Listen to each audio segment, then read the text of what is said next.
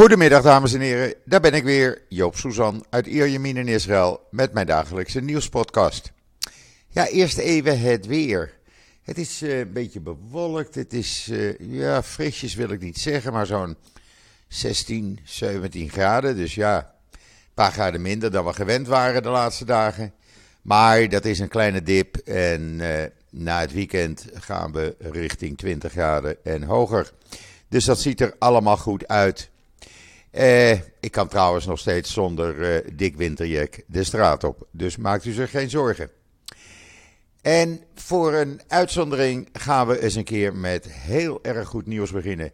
Want de economie van Israël die is in het afgelopen jaar, in 2021, met 8,1% gestegen. Uh, of gegroeid, laat ik het zo zeggen. Uh, u kunt het allemaal lezen, alle details op israelnieuws.nl. In het laatste kwartaal alleen al werd er een recordgroei opgetekend van 16,6 procent. En in heel 2021 was het dus 8,1 procent. Het overtreft ook uh, de groeicijfers van het CBS hier in Israël, want zo heet dat. Uh, die hadden gedacht dat het 7,5 procent zou zijn. We zitten daar dus 0,6 procent boven. Uh, ja, hoe komt dat dan? Nou, heel simpel. Door uh, de COVID, door de lockdowns die we verleden jaar hadden, gingen Israëli's niet meer uh, masse naar het buitenland. Dus werd er een winkelfeest in Israël gehouden, zo noemt men dat. Dus er werd enorm veel uh, ja, gekocht. Particuliere consumptie is nog nooit zo hoog geweest. Die uh, steeg met, 17, met 19,2 procent. Uh, daarna, daarnaast werden er ook heel veel nieuwe auto's gekocht. Uh, en de export die uh, steeg enorm. met 26,3 procent. De import, door het kopen van zoveel nieuwe auto's onder andere, die steeg met 25,5 procent. De bevolking van Israël groeide in 2021 met 1,7 procent zodat uh, het bruto nationaal product per hoofd van de bevolking met 6,3% groeide, waar daar in 2020 nog een krimp was van 3,9%. Uh, en in de andere OESO-landen steeg dat in plaats uh, in Israël dus met 6,3%, maar in de rest van de OESO-landen steeg het maar met 5%, of maar nog wel veel. Particuliere consumptie in het hele jaar ging met 11,7% omhoog. Ja, het is allemaal geweldig. Eh, wat kost, kochten de mensen dan? Nou, meer eh, voedsel, meer drank, meer tabak, eh, meer brandstof. Ze verbruikt ook meer elektriciteit natuurlijk. En veel nieuwe apparatuur. Ehm, als je dan vraagt waar staat Nederland? Nou, Israël staat op de vierde plek, dus met uh, dat uh, hoge percentage. En Nederland staat op de uh, achtste plek met 3,8 procent. ja, dat, dat zijn natuurlijk verschillen. Het bruto nationaal product in Nederland is dus aanmerkelijk lager, de helft bijna, dan van Israël. En ja, het is een goed bericht. En je ziet het ook overal Huizen worden verkocht eh, alsof het allemaal broodjes zijn. Eh, de huizenprijzen stijgen ook. Dat is dan weer het nadeel. Maar ja, vraag en aanbod zullen we maar zeggen. In ieder geval, uh, ja, ik wou u dat niet onthouden. En dan gaan we even verder met COVID. Maar daar is ook goed nieuws te melden. Want er werden woensdag ruim 111.000 mensen getest. Ruim 21.000, om precies zijn 21.152 waren besmet. Er zijn nog uh, eh, 173.685 actieve viruspatiënten in het land. Maar de meeste, zoals ik uh, al vaker zei, hebben of helemaal geen klachten of hele lichte of milde klachten. Aantal patiënten in de ziekenhuizen met COVID is enorm of behoorlijk gedaald. Laat ik het nou zo zeggen, niet overdrijven, Joop. Het is gedaald van 927 op dinsdag naar 886 op uh, woensdag. Dat zijn toch 51 mensen minder. Er verkeren nog 322 mensen in kritieke toestand, waarvan er 263 zijn aangesloten aan beademingsapparatuur. Het aantal doden is gestegen met 59 en staat nu op 9610. Inmiddels is ook bekendgemaakt waarom de laatste paar weken zoveel doden worden geteld per dag. Dat heeft te maken met de ziekenhuizen die iedereen die uh, COVID heeft en aan daaraan overlijdt, uh, meetelt als COVID-doden. Uh, ook als iemand kanker of een andere onderliggende ziekte heeft en daaraan, ja, dat zou dus ook de oorzaak kunnen zijn. Maar als een patiënt met een onderliggende ziekte ook COVID-19 heeft, dan wordt hij geteld als zijnde overleden aan COVID. Dat is dus de verklaring voor het hoge aantal dagelijkse doden. En dan, uh, ja, dan is er goed nieuws op komst. Want uh, later vandaag gaat uh, de Israëlische regering bekendmaken of ze gaan versoepelen alle beperkingen. Dat betekent dat u binnenkort uw reis naar Israël kan gaan uh, boeken. Want zoals het er nu uitziet, uh, hoeven reizigers geen test meer te doen voordat ze het land inkomen. Ook als je niet gevaccineerd bent. Je wordt wel, wordt iedereen getest bij aankomst op het vliegveld. Maar ja, dan heb je de uitslag binnen drie, vier uur. Dat weet ik van iedereen die tot nu toe getest is hier op Ben Gurion Airport. Uh, kinderen onder de 12 jaar mogen met hun ouders mee het land in, ook al zijn ze niet uh, uh, gevaccineerd. Kinderen moeten dan wel even, uh, die worden ook getest. Dus ja, tot de uitslag van de test bekend is, zit je dan even in isolatie. Maar goed, zoals ik zei, dat duurt drie, vier uur en dan heb je de uitslag al bekend. Dus voordat je je koffer hebt uitgepakt, weet je het al. En dan niet gevaccineerde jongeren vanaf 12 jaar, die mogen voorlopig nog niet het land in. Uh, dat heeft te maken met het feit uh, ja, dat men even wil afwachten hoe het zich allemaal gaat ontwikkelen. Maar ga er maar vanuit dat over een uh, paar maanden dat weer wordt toegestaan. Het voorstel wordt vanmiddag besproken. Het is gisteravond al besproken in aanwezigheid van de minister van Volksgezondheid. Maar iedereen weet, ik heb net al een mailtje gehad, maar de vergadering is onderbroken omdat Bennett uh, met Nancy Pelosi uh, even koffie moet drinken. Uh, maar wat ik net gezien heb, is dat ook het groene paspoort van tafel is per 1 maart.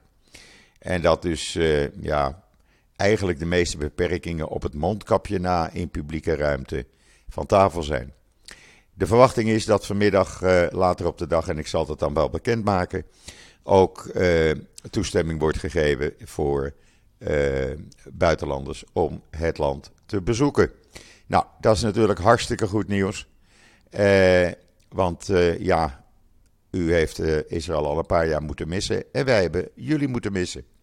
En ik vind het toch altijd gezellig als ik Nederlanders tegenkom die zeggen: Hey Joop, leuk dat ik je zie. En dat is in het verleden, voor de corona, regelmatig gebeurd bij mij in de buurt. Want uh, ja, er zitten een aantal hotels waar vaak Nederlanders naartoe komen. En die gaan dan winkelen uh, in de mall.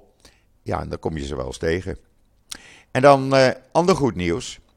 Het Sheba Medical Center is het eerste ziekenhuis buiten de Verenigde Staten die een proef gaat houden met het speciaal voor Omicron ontwikkelde Pfizer-vaccin.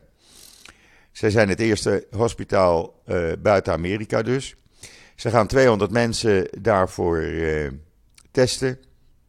En dan uh, hopelijk wordt dat allemaal positief.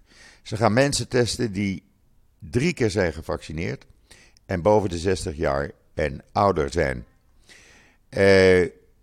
We zullen de resultaten binnenkort wel horen, denk ik zo. En dan uh, heeft het JNF-KKL een overeenkomst met de Republiek Tsaad getekend, een memorandum uh, of understanding, waarbij uh, Keren Kayemet, KKL dus, JNF, de Republiek Staat gaat helpen met de problemen met watervoorraden, bosbouw, landbouw, boomkwekerijen en het tegengaan van woestijnvorming. Er zit namelijk een enorme expertise bij eh, KKL JNF en het is mooi dat zij dat doen. En dan, uh, ja, op Israël Nieuws is dat te lezen sinds gisteravond. Een 11-jarig Israëlisch meisje, Lipas Ashate, is Israëlisch en Europees karatekampioen. Jawel, meisje is 11 jaar, ze komt uit Maalot. Dat ligt uh, ten zuiden van Jeruzalem, richting Doos. Uh, nee, uh, in het noorden, sorry. Ik was even in de war. Ligt in het noorden, dicht bij de grens met Libanon. En ja, ze blijft maar prijzen winnen. en dat is natuurlijk hartstikke mooi om te zien. En het hele verhaal over Lipas kunt u lezen op israelnieuws.nl. En dan uh, ja, meneer Nasrallah. Die uh, was opeens even uit zijn bunker. Die blijkt uh, gesommeerd te zijn, of gevraagd te zijn, maar ja, hij kon niet weigeren. Om even in Iran te komen. En daar werd hem verteld van, luister, als Israël onze kernlocaties gaat bombarderen, onze nucleaire installaties dan uh, verwachten wij van jou dat je met je Hezbollah-groep Israël gaat aanvallen. Het is niet bekend hoe Nasrallah daarop heeft geantwoord. Eerder had hij deze maand namelijk gezegd van als Israël Iran zou aanvallen, wil dat niet per se zeggen dat Hezbollah ook actie gaat ondernemen. Uh, ja, hoe dat nu zit, niemand die het weet. Channel 12 kwam uh, met dit nieuws. Dat is overgenomen door alle Israëlische kranten. En ik denk zomaar dat hij gewoon doet wat zijn bazen hem vertellen. En dan Australië, daar kunnen een heleboel landen een voorbeeld aan nemen. In Australië uh, heeft de regering besloten de gehele Hamas-organisatie, inclusief de politieke afdeling, uh, op de terreurlijst te zetten en als terreurorganisatie van nu af aan te beschouwen. Uh, het zal binnenkort, uh, binnen de paar, paar weken, uh, zal dat officieel zijn. En ze hadden eerst al de Izadin al-Qassam-brigades, de militaire groep van Hamas, op de terreurlijst gezet. Maar nu dus de hele groep. Nou, premier Bennett heeft meteen de Australische minister Scott Morrison gefeliciteerd en gezegd: Je hebt de juiste beslissing genomen. Engeland heeft hetzelfde gedaan in november. Dan weet u dat het niet voor het eerst is. Meer landen zouden dat moeten doen.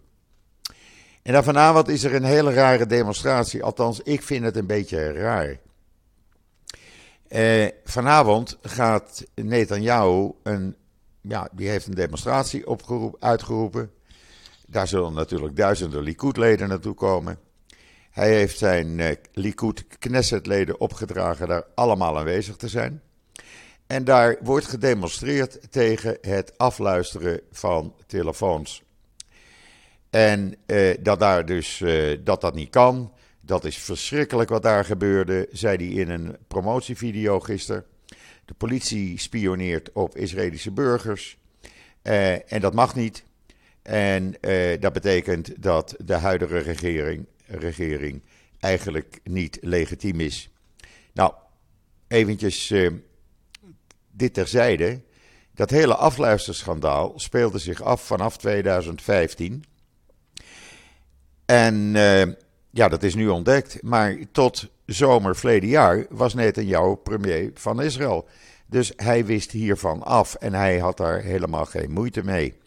En als hij nu uh, daar een demonstratie voor eh, uitroept. Ja, ik vind dat een beetje raar. Als je zelf uh, uh, hebt besloten dat dat geen enkel probleem is. Als premier zijnde. En nu als oppositieleider is het opeens een probleem. Beetje raar. Gisteravond had uh, Guy Lerer, dat is een hele bekende tv-presentator. Die had een demonstratie uitgeroepen en daar kan ik me wel in vinden.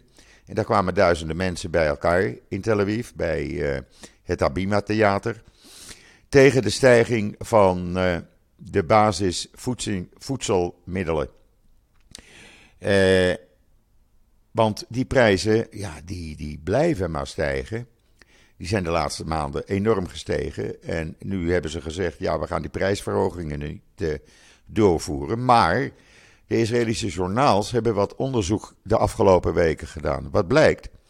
Dat bijvoorbeeld Colgate pas, tandpasta hier drie keer duurder is dan in Nederland. Uh, de, de koffie, de espresso, uh, hoe noem je dat? De koffie van Nestlé, die is hier gewoon het dubbele van Engeland en andere Europese landen. Nou ja, zo kan ik nog wel even doorgaan. En die importeurs, die, uh, ja, die varen daar wel bij. En die verhogen gewoon de prijzen naar hun eigen oordeel. Nou, dat kan natuurlijk niet. En daar uh, mag best even over gedemonstreerd worden. Uh, de volgende demonstratie ga ik daar naartoe als ik het op tijd weet. En als die niet te ver weg is natuurlijk. Dat moet maar eens een keer stoppen.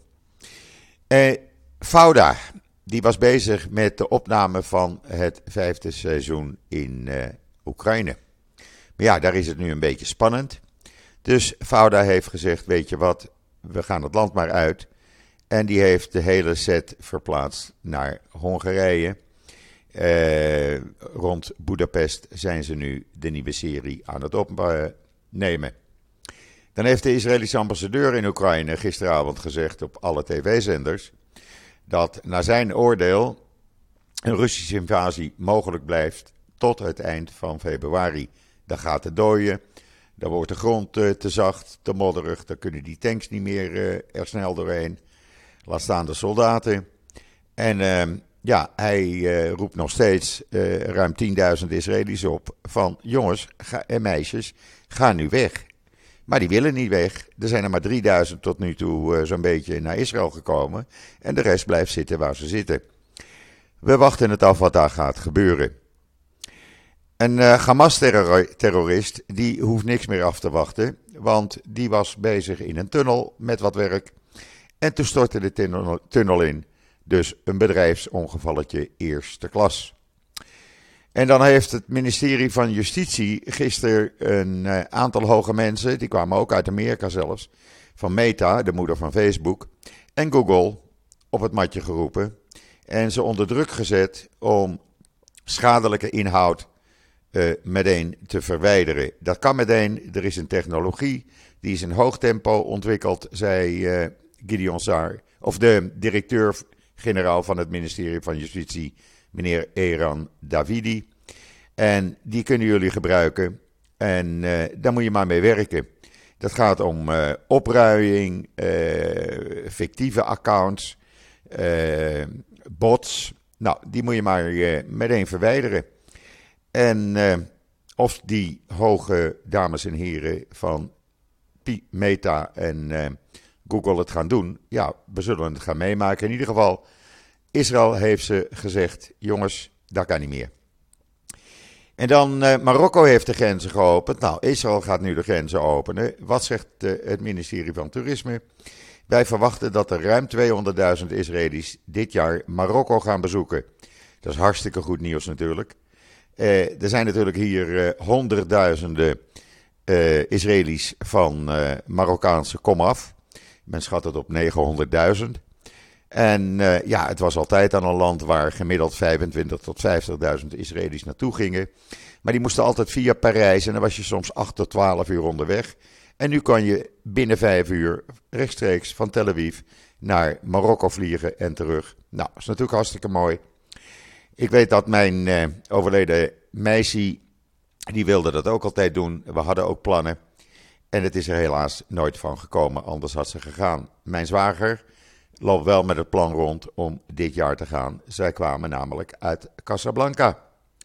En dan wie ook gaat naar Marokko, en die gaat maandag al, dat is de minister van Economische Zaken hier. Die gaat naar Marokko toe en die gaat een aantal overeenkomsten met Marokko ondertekenen. Ja, wen er maar aan. Zo normaal is normaal. En dan heeft Syrië weer gezegd, geklaagd, dat Israël afgelopen nacht met wat raketten die ze afschoten vanuit de Golan een uh, Iraanse basis rond Damascus zou hebben aangevallen. Nou, zoals bekend, de IDF zegt nooit wat. Uh, en uh, ja, we moeten het dus hebben van Syrië. Er zou wat schade zijn. Nou, als dat zo is, jammer dan. Maar helaas, dan moet je maar geen Iraniërs laten vechten in Syrië. En dan, ja, dan zijn er gesprekken gaande tussen Israël en de Palestijnen. En waar gaan die over? Gaat het casino misschien weer open in Jericho? Want ja, zoveel Israëli's willen wel gokken. Er was altijd uh, duizenden Israëli's die daar naartoe gingen. Casino werd gesloten in, uh, bij de tweede intifada in uh, eh, 2000, dus die is al 2000, of 20 jaar dicht. En uh, ja, iedereen staat eigenlijk te trappelen. En Israël wil geen eigen casino maken. die plannen liggen er wel bij Elat. Maar het is toch makkelijker als je het in Jericho gaat doen. En dan kunnen Israëli's uh, even met de auto heen en weer. Ze kunnen ook overnachten, want er is een heel mooi hotel bij. Het ligt niet te ver van Jeruzalem. En iedereen blij, Israëli's blij dat ze kunnen gokken. Palestijnen blij dat ze geld kunnen verdienen en geld binnenkrijgen. Er zijn onderhandelingen over. Uh, ja, die zullen over niet al te lange tijd uh, afgerond worden, denkt men. En wie weet wanneer dat casino dan open gaat. En dan is iedereen weer blij. En dan een verhaal in de Jeruzalem Post vanmorgen, waar ik nogal van opkeek. En een heleboel mensen, merk ik, want ik heb het op Twitter gezet. En dat wordt enorm gedeeld. Waarom heeft niemand het tijdens die onderhandelingen in uh, Wenen over die Iran-deal, waarom heeft niemand het over de nieuwe, niet bombardeerbare kerncentrale die Iran is uh, aan het bouwen in een berg diep onder de grond bij Natanz. Natanz is al een paar keer aangevallen door Israël. En uh, deze kan je niet bombarderen. Daar kom je niet doorheen door die berg en het wordt onder de grond gebouwd. En niemand praat erover. Heel vreemd. Lees het als je geïnteresseerd bent even op uh, de Jeruzalem Post. En dan uh, de Dode Zee. We wisten al dat het gezond was. En iedereen die daar wel eens is geweest, die weet dat uh, ja, die modder, dat helpt. Mensen met psorias gaan daar naartoe om te genezen. En het is gewoon gezonde lucht. Uh, en wat blijkt nu? Het uh, uh, ja, prestigieuze tijdschrift Travel and Leisure. die heeft gezegd dat de Dode Zee op plek 1 staat. als toeristische bestemming om genezen te worden. Dus als je ziek bent, ga naar de Dode Zee om, om te genezen. En ja, je kan genezen, zeggen ze, uh, door die zwarte modder op de huid. Uh, voor mensen met psorias. Uh, je huid gaat niet meer ver, vervellen. Huidaandoeningen worden verlicht. en de Dode Zee heeft ook de natuurlijke kracht om astma, gewrichtsontstekingen, osteoporosis en andere gezondheidsproblemen om ja, daarvan te genezen. Mooi dat dat uh, uh, bekend is gemaakt en dat de Dode Zee op plek 1 staat. En dan is Israël begonnen met het exporteren van gas naar Egypte. En men doet dat via uh, Jordanië. Waarom? Omdat er vanuit Jordanië al een pijpleiding loopt met Israëlisch gas. En daar gaat de via, uh, moet ik even kijken, via Eilat gaat het dan uh, richting Egypte. En krijgt Egypte ook Israëlisch gas. Hartstikke mooi nieuws natuurlijk. en ja, daar is de Egyptische bevolking weer mee geholpen. En dan, ja, hij kan het niet laten, maar het staat toch echt weer in het nieuws. Gisteren in kranten in Israël. En vandaag opent bijvoorbeeld de Jeruzalem Post er weer mee met uh, de headline dat uh, uh, Nederlandse universiteiten het WOP-verzoek eventjes in beraad hebben, wat de Rijksvorm heeft gedaan. Maar dat het er toch op neerkomt, als ze eraan gaan voldoen, dat universiteiten bekend gaan maken welke banden ze met Joodse, Joodse entiteiten hebben, met Joodse mensen hebben, met Israëlische entiteiten hebben. En dat dat gewoon niet kan. Dat is gewoon terug naar de nazi-tijd. En ja, het wordt hier in Israël met argusogen gevolgd. Men eh, heeft ook een uitgebreid artikel daarover, uh, over meneer Van Acht.